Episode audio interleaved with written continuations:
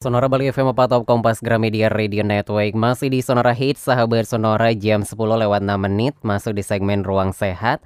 Dan kali ini Ruang Sehat bersama Rumah Sakit Umum Kenak Medika Sahabat Sonora. Seperti yang saya bilang di awal tadi Bahwa di segmen ini, di segmen kedua Kita akan ngobrolin tentang usus buntu. Jadi buat sahabat Sonora Yang ada pertanyaan mau ngobrol silakan di 0813 9028 9890 Atau bisa juga di sosial media Twitter, Instagram, Facebook, atau TikTok juga boleh ya Sonora underscore Bali streaming di sonorabali.com agar Anda bisa dengerin di mana pun Anda berada untuk pagi hari ini sahabat Sonora dan pastinya saya tidak sendiri pagi hari ini saya sudah bersama Dr. Nilo Putu Julita Yanti spesialis bedah dari Rumah Sakit Umum Kenak Medika. Selamat pagi dok. Selamat pagi. Apa kabar? Baik. Sehat ya dok ya? Uh, sehat. Oke, okay. dokter kita mau ngomongin tentang usus buntu. Ini banyak ya di masyarakat seperti itu dan uh, nampaknya banyak juga yang mengalami uh, apa ya namanya infeksi atau gimana nanti kita bisa diceritakan ya dok ya. Ini mengenai usus buntu dan kita juga ingin tahu lebih lanjut karena banyak yang bilang apakah usus buntu ini ketika dilakukan operasi penanganan ini ususnya dipotong menjadi pendek kan banyak juga di masyarakat. Hmm. Tapi sebelum itu sebenarnya usus buntu ini yang dimaksud usus buntu ini seperti apa sih dokter? Uh, gini, kalau usus buntu sendiri itu itu merupakan satu organ ya. Jadi setiap manusia itu setiap orang dia punya usus buntu. Itu oh. organ yang kecil sekali hmm. kayak cacing dia nempel di usus besar kita. Jadi hmm. kalau kita makan itu usus halus terus usus besar. Nah, di perbatasan setelah usus halus di ke usus besar tersebut itu ada organ umbai cacing yang kita sebut usus buntu atau apendik. Oke, berarti semua orang emang punya gitu ya. ya. Tapi ini ada fungsinya nggak sih usus buntu ini, Dok? Kalau fungsi sendiri, hmm. pada saat kita masih kecil, usus buntu itu disebutkan dia berfungsi sebagai sistem pertahanan tubuh. Hmm. Hanya seiring dengan bertambahnya usia, hmm. setelah semakin dewasa, sistem pertahanan tubuh itu sudah banyak dilakukan oleh fungsinya oleh organ lain. Jadi usus buntu sendiri setelah dewasa sudah tidak berfungsi. Oh, berarti itu tidak ada tidak berfungsi kalau ketika uh, seseorang ini sudah menginjak uh, dewasa seperti iya. itu ya. Tapi kalau waktu masih bayi, masih kecil itu berfungsi banget gitu ya, oh, Dok masih ya. Masih ada fungsinya. Oke. Okay. Nah, tentunya ini kan uh, sahabat Sonora juga kalau di masyarakat awam gitu usus buntu ini kenapa sih uh, dia ini bernama usus buntu gitu, Dok? Apakah karena kan bilang kok nah, buntu emang kenapa gitu kan? Oh iya, memang karena dari bentuk ya, hmm. bentuknya itu dia usus seperti usus lain, tabung. Tapi hmm. kalau usus yang selain usus buntu, dia akan nyambung dari kita dari mulut sampai ke lambung ke usus hmm. hingga ke saluran pembuangan. Hmm. Sementara usus buntu sendiri dikatakan buntu karena dia ada lumen. Setelah lumen itu tidak ada saluran lain. Jadi oh. merupakan ujung yang buntu, ya kayak jalan gang ya, buntu gitu buntu ya. gitu ya. Jadi nggak ada lanjutan lagi ya. gitu ya. Oke, okay, tapi ketika usus buntu ini dikatakan bermasalah, itu kan mm -hmm. uh, harus dilakukan penanganan. Ini kondisi seperti apa ketika usus buntu ini dikatakan bermasalah, dok? Um, kalau usus buntu bermasalah itu biasanya ya kalau uh, pada pasien atau pada orang-orang yang mengeluh sakit perut kita curiga usus buntu yang bermasalah. Dia hmm. dikatakan hmm. bermasalah karena usus buntu tersebut terjadi peradangan. Peradangan itu dalam artian ususnya itu tidak normal, tidak sehat lagi hmm. karena ada sumbatan oleh berbagai sebab yang menyebabkan aliran mukus mukus itu kayak cairan dari usus buntu tidak bisa keluar hmm. dan terjebak di usus tersebut dan kemudian oh. sumbatan itu menyebabkan aliran darah ke usus buntu juga terhambat. Hmm. Nah, kemudian apabila semuanya itu terhambat, usus buntu itu akan uh, membesar, meradang, dan lama-lama akan uh, mati atau busuk ataupun pecah seperti itu. Oh, ketika itu telat penanganan, tadi kan mm -hmm. uh, bisa pecah seperti yeah. itu dan busuk itu, mm -hmm. uh, apa yang terjadi di dalam tubuh kita ketika itu bisa terjadi gitu? Yang pertama pasti nyeri kita merasa nyeri. Mm -hmm. Sebenarnya usus buntu letaknya sendiri bagi teman-teman yang misalkan belum tahu itu di kita bisa rasakan pada struktur yang normal itu di perut kanan bawah. Mm. Tapi nyerinya awalnya di sekitar uh, puser. Ya, oh. ada yang juga diawali dengan mm, penurunan nafsu makan, mual, muntah, nyeri di sekitar pusar yang kemudian setelah lama nyerinya akan turun ke kanan bawah dan menetap di sana. Hmm. Selain nyeri kita ada uh, demam bisa terjadi demam, mual muntah, dan juga uh, nyeri meningkat bila kita batuk atau kita jalan seperti itu beraktivitas. Hmm. Dan banyak juga dok di masyarakat kan sampai ada yang sakit perutnya sampai pingsan seperti Hmm. saking sakitnya. Tapi ada juga yang i, sakitnya yang nggak sampai sesakit itu. Iya. Itu sebenarnya apa sih membedakan mereka sampai ada yang sampai menahan sakit sampai pingsan seperti itu? Gini, usus buntu itu letaknya beda-beda. Oh. Ya, jadi dia ada yang letaknya agak di depan, ada yang agak di tengah, ada yang agak di belakang. Oh jadi nggak sama posisinya Eh, setiap se- harusnya sama di perut kanan bawah, hanya eh, umbainya itu orang? Heeh. ada yang belok ke depan, ada yang lurus, ada yang ke belakang. Oh. Apabila posisinya dia terlalu ke belakang, biasanya eh, nyeri, sakit yang dirasakan di perut tidak terlalu sensitif. Hmm. Itu satu letak kan ya. Kedua juga tergantung dari hmm, proses penyakit di awal karena peradangannya baru, Hmm. nyerinya tidak terlalu. Cuman kalau biasanya masyarakat kita kan ah nyeri sedikit nggak apa-apa, jadi dibiarin perut lama-lama. biasa gitu ya. ah, lama-lama tambah nyeri. Hmm. Itu menunjukkan kalau proses peradangannya sudah tambah besar. Hmm. Oke, seperti itu ya sahabat Sonora dan tentunya eh, ini juga eh, apa bisa pecah juga kalau penanganannya terlambat Mm, seperti itu. Nah, misalnya dok, kita kan sebagai masyarakat awam belum paham nih, ternyata ini ternyata usus buntu dan kita ngerasa itu ya udah kayak sakit perut biasa mungkin ya gitu. Dan itu pecah usus buntunya apa eh, terjadi apa efek yang bisa ditimbulkan di dalam tubuh kita? Yang pertama itu kalau pecah, otomatis usus itu kan saluran pencernaan. Hmm. Jadi kotoran eh, feses, kotoran kita itu lewat di sana. Kalau putus usus itu usus buntu itu pecah, jadi isi dari saluran pencernaan kita Hmm. bisa keluar ke rongga perut kita. Harusnya kayak kotoran itu jalan dia di usus kan, tapi kalau pecah dia keluar. Jadi barang yang tidak seharusnya ada di tempat yang seharusnya dia menyebabkan infeksi.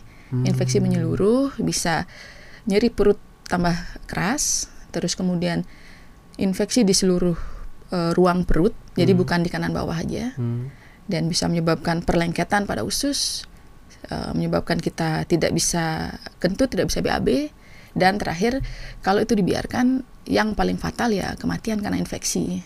Oke, jadi bisa sefatal itu ya dok Bisa, ya bisa. yang-. Oke, nanti kita lanjut lagi ya dok yang ngobrol tentunya. ah, tadi kan sempat disinggung juga eh, gejala-gejalanya seperti apa. Nanti kita akan bahas lebih dalam lagi gejala yang timbulkan dan kapan sih waktunya eh, kita sebagai masyarakat mewaspadi bahwa ini adalah gejala dari usus buntu gitu ya. iya. Nanti kita akan lanjut lagi sahabat Sonora membahas tentunya topik kita di pagi hingga siang nanti di jam 11. Bagi sahabat Sonora yang mau bertanya ataupun eh, mau ngobrol silakan di WhatsApp Telegram 0813 9028 9890 atau di sosial media Sonora underscore Bali, streaming sonorabali.com untuk Anda bisa dengerin di mana pun Anda berada untuk pagi hari ini. Kita kembali setelah berapa jeda berikut ini. Anda sedang mendengarkan Sonora Hits.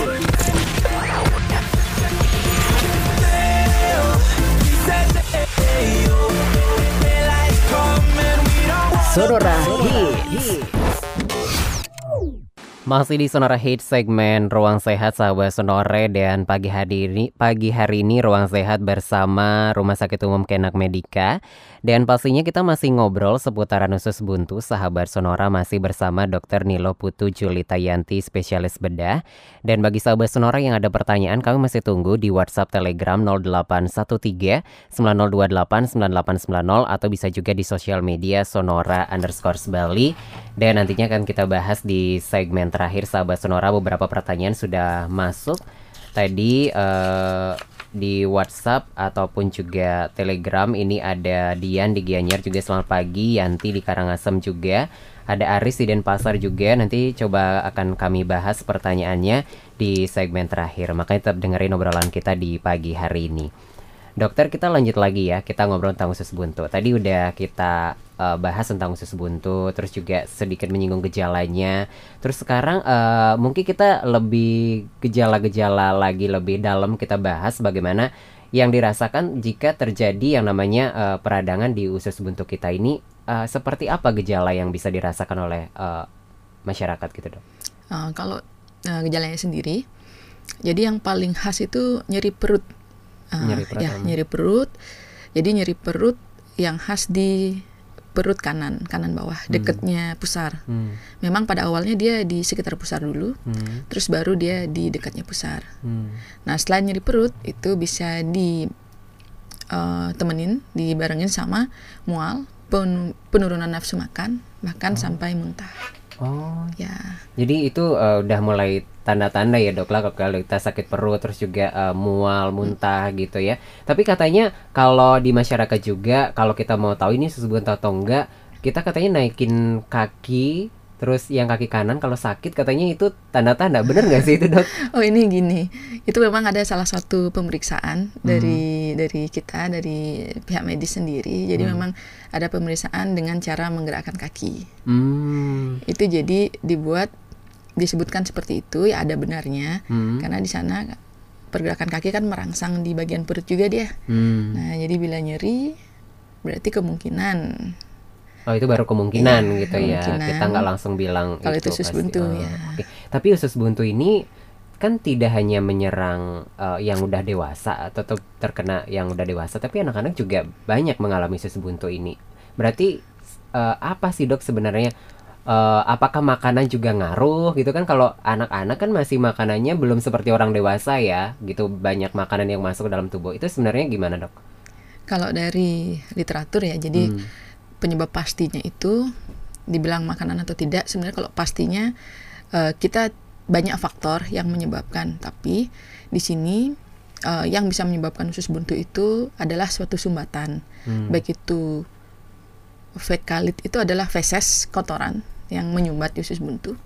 Baik itu bisa karena virus bakteri terus kemudian ada juga pembesaran kelenjar limfe namanya kelenjar itu juga bisa jadi bukan eh, semata-mata oh ini makan makan yang ada bijinya jadi usus buntu kan seperti itu Oke, karena di masyarakat banyak yang berkembang seperti itu ya Iya. dok ya. Jadi eh, nanti mungkin beberapa pertanyaan juga ada yang menanyakan itu tentang eh, makan tomat katanya sama bijinya. Nanti coba kita luruskan di akhir perbincangan ini ya dok ya. Dan tentunya ketika eh, kita sudah eh, tadi merasakan sakit perut, terus juga terkadang disertai muntah, terus juga demam seperti itu. Tapi ini tidak semua yang mengalami peradangan usus buntu ini merasakan yang hal yang sama gitu ya. Berarti setiap orang apakah beda-beda eh, ininya yang dirasakan gitu gejalanya? Secara garis besar yang sama itu adalah nyeri perut Hmm.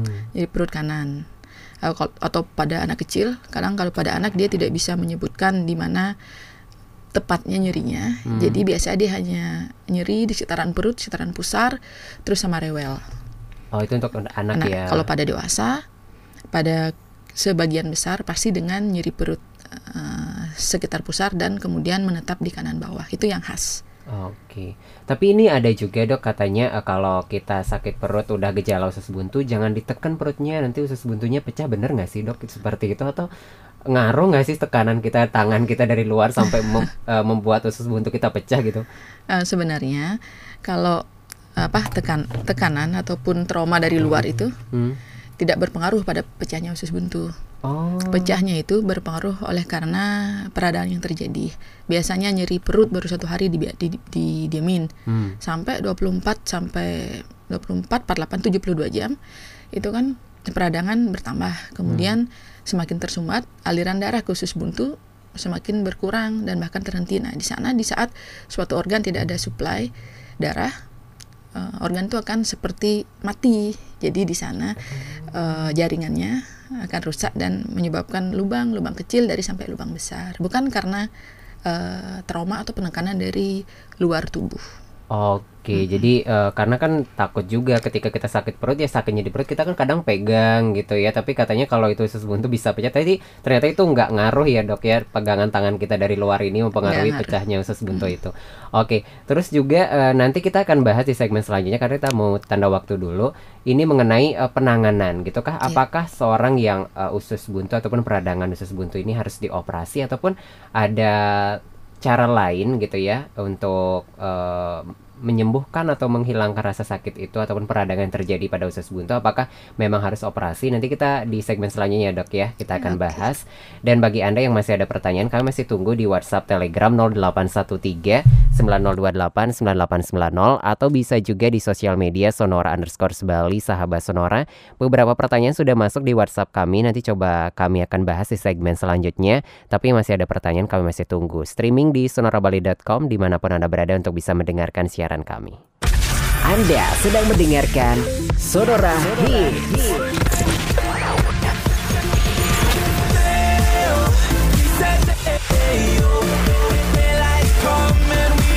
Sonora Hits.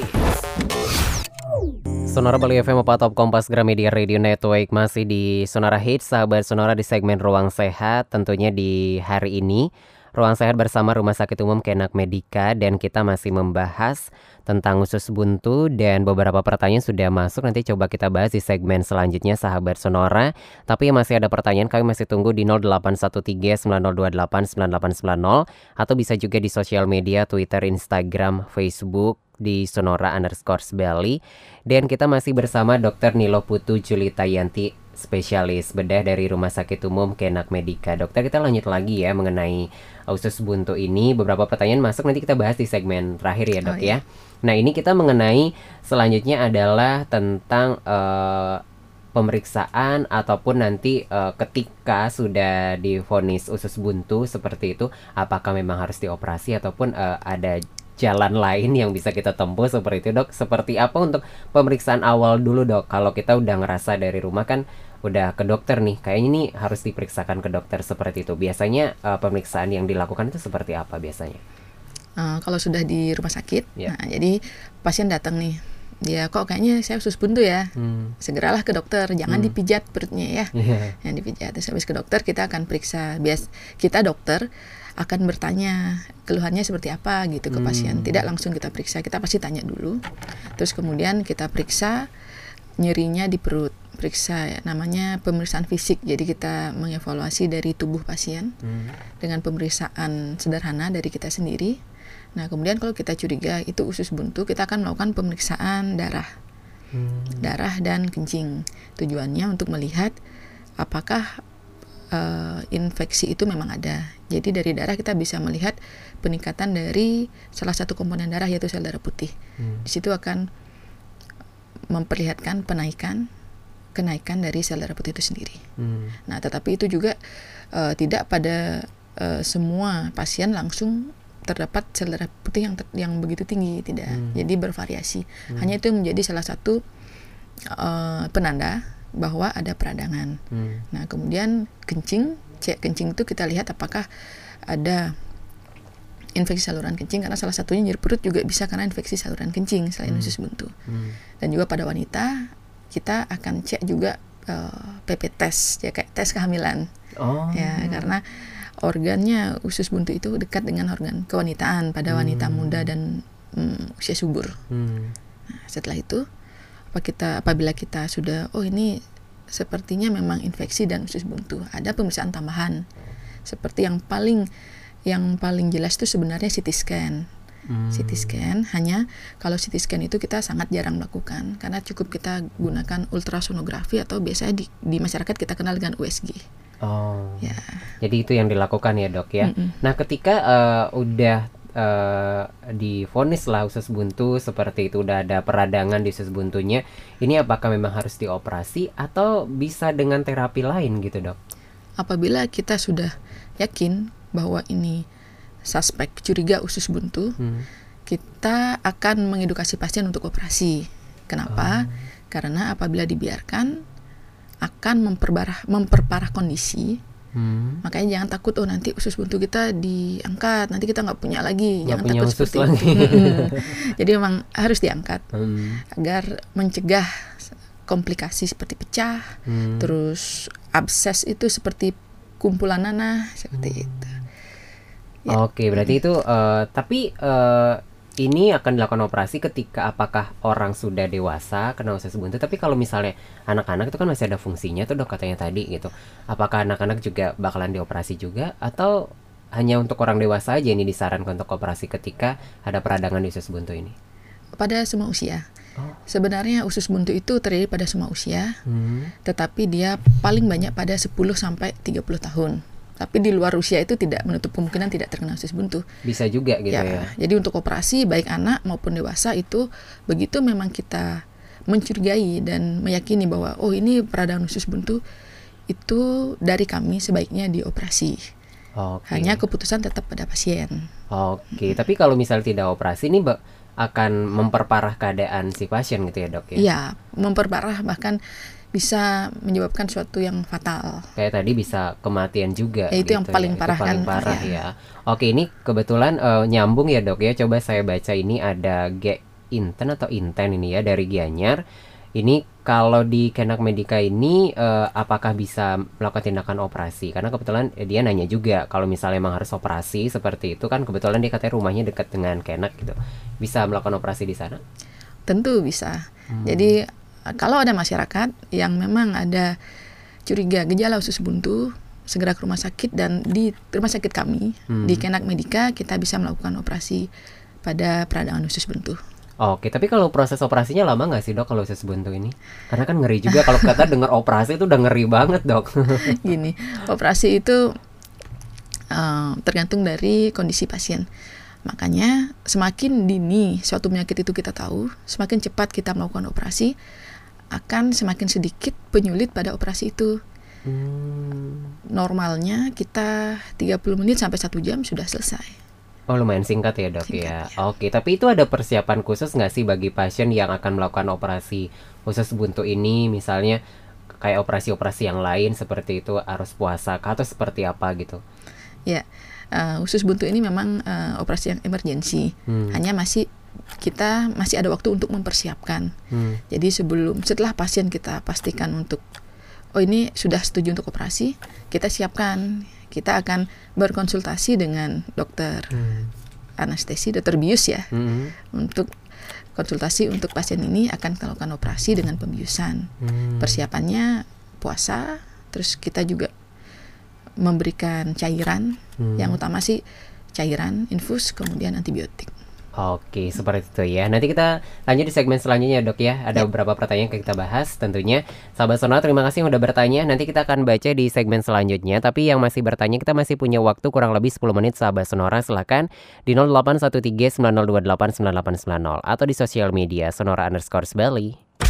Anda sedang mendengarkan Sonora Hits.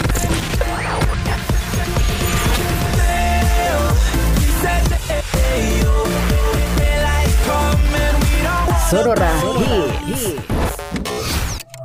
Sonora Bali FM apa Top Kompas Gramedia Radio Network masih di Sonora Hit segmen Ruang Sehat sahabat Sonora untuk pagi hari ini kita masih ngobrolin tentang usus buntu sahabat Sonora beberapa pertanyaan sudah masuk kan kami jawab di segmen ini Tentunya masih bersama Dr. Nilo Putu Julita Yanti spesialis bedah dari Rumah Sakit Umum Kenak Medika Dokter kita akan lanjut membahas beberapa pertanyaan sudah masuk ya dok ya tentang usus buntu ini.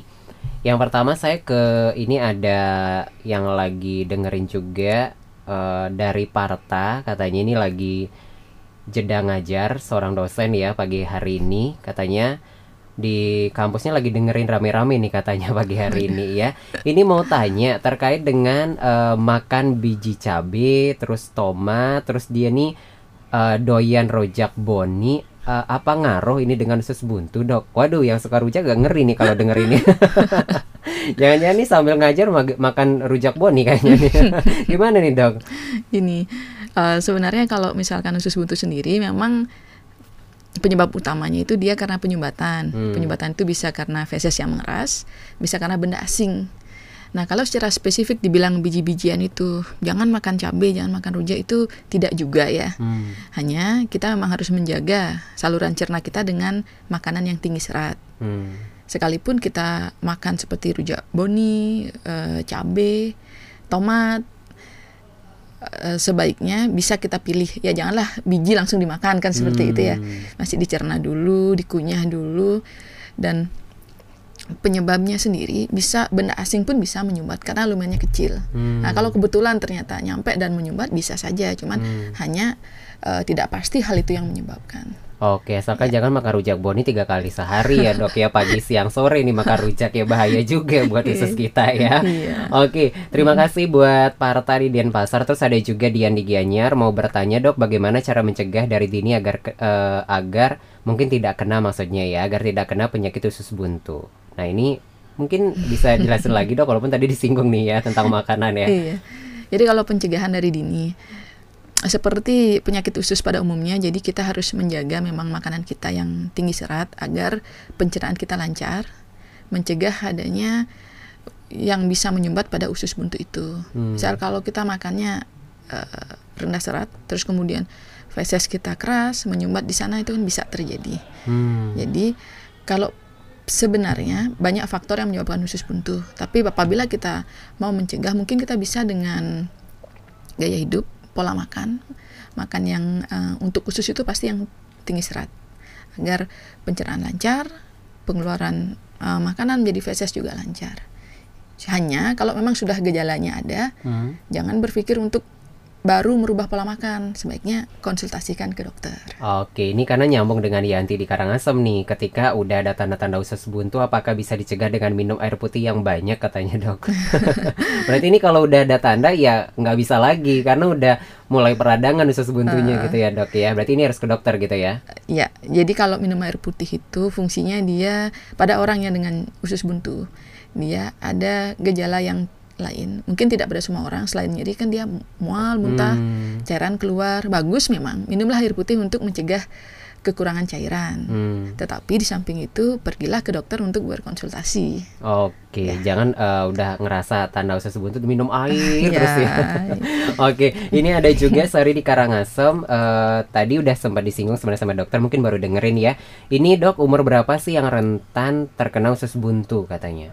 Kalau pada literatur yang ada ya disebutkan yang populasi yang paling banyak adalah umur 10 hingga 30 tahun. Itu puncak-puncaknya terjadi usus buntu pada kita Hmm. sebagai manusia.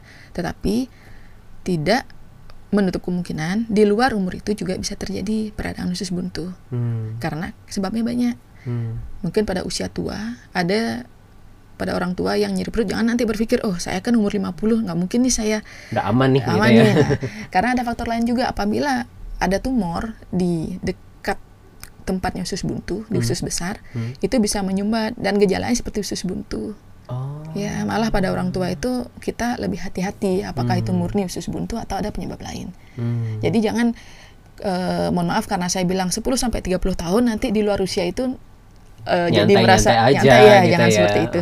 Itu hanya sesuai dengan penelitian yang ada. Hmm. Hanya di luar itu juga kemungkinan untuk usus buntu, peradangan usus buntu ya. Kalau usus buntu itu di semua orang ada. Hmm. Cuman untuk meradang itu bisa terjadi di semua umur. Oke, dan ini yang terakhir ada Putu Gianyar. Ini tadi sempat eh, udah dijawab juga sebenarnya ya.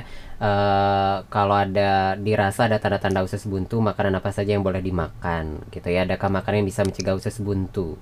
Ini yang tinggi serat tadi udah dibilang ya dok Ya, ya. untuk menjaga kesehatan usus, makan makanan yang tinggi serat. Oke, seperti itu nih sahabat Sonora. Terima kasih yang sudah bertanya di pagi hari ini dan 5 menit kurang dari jam 11 siang. Dok, ini mengenai peradangan usus buntu. Eh, apa yang disampaikan buat sahabat Sonora? Jangan sampai kita terjadi peradangan pada usus buntu kita. Ya, bagi sahabat Sonora, lebih baik kita mencegah daripada mengobati. Kan tetap seperti itu ya. Hmm. Biarpun saya dokter bedah, saya mengoperasi, tetapi sebaiknya dicegah. Sebaiknya kita melakukan pola hidup yang sehat, kita makan makanan yang sehat. Untuk khusus kita sendiri, kita makan makanan yang tinggi serat. Dan kemudian apabila itu pun terjadi, nyeri perut, segeralah berkonsultasi ke dokter.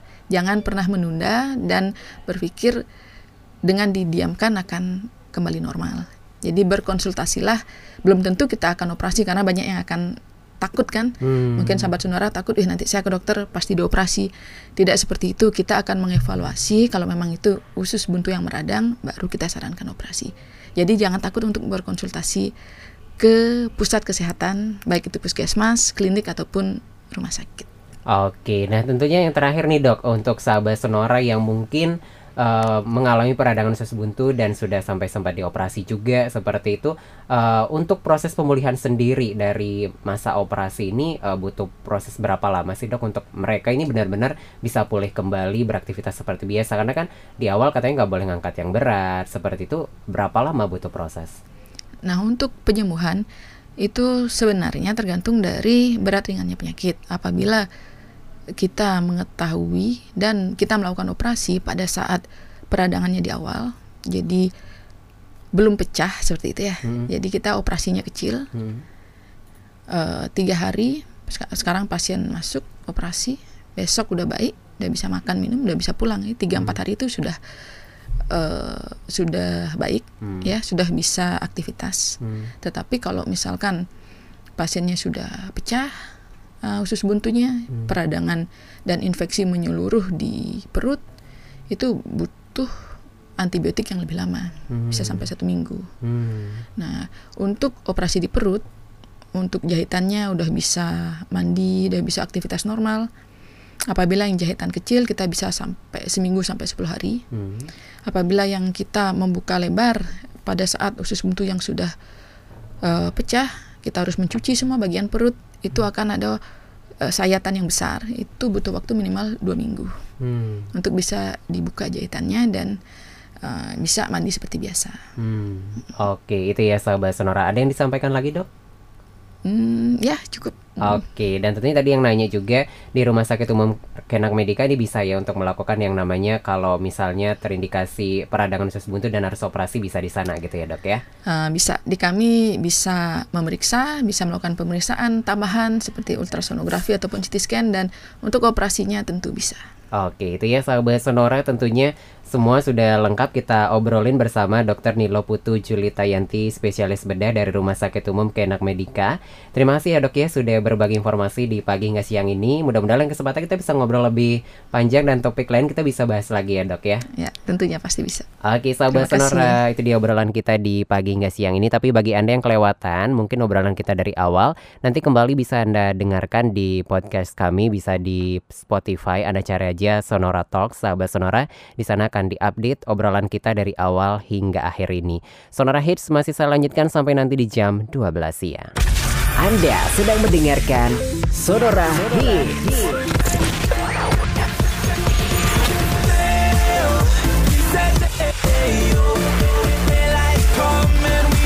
Sonora Hits.